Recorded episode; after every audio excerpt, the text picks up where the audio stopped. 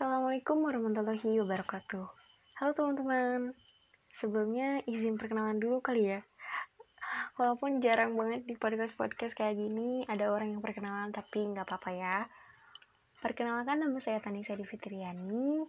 Saya mahasiswa pendidikan kewarganegaraan atau PKN di Universitas Pendidikan Indonesia.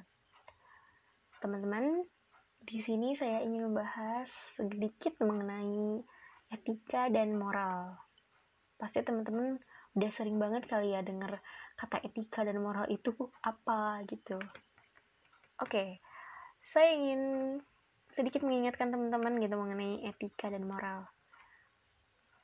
Etika adalah salah satu kaidah yang menjaga terjalinnya interaksi antara pemberi dan penerima jasa profesi secara wajar, jujur, adil, profesional, dan terhormat.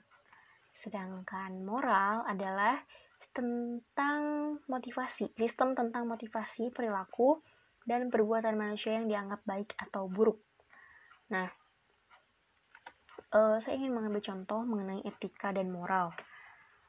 Teman-teman di sini pasti sebagian besarnya ada uh, dari kaum kaum mahasiswa atau uh, siswa-siswa yang sering kali naik kendaraan umum gitu.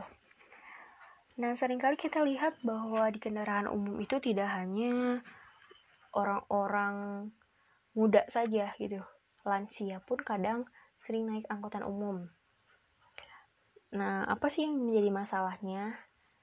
Seringkali mungkin lansia itu kesulitan untuk naik ke angkutan umum tersebut.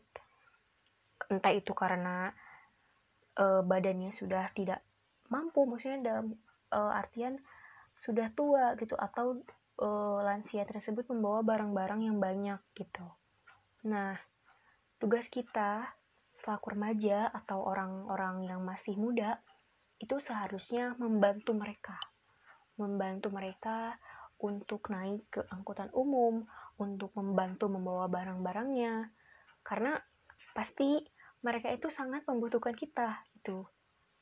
Nah, jika kita melakukan hal tersebut, otomatis kita sudah melakukan etika yang baik di dalam berkehidupan di masyarakat contohnya mungkin.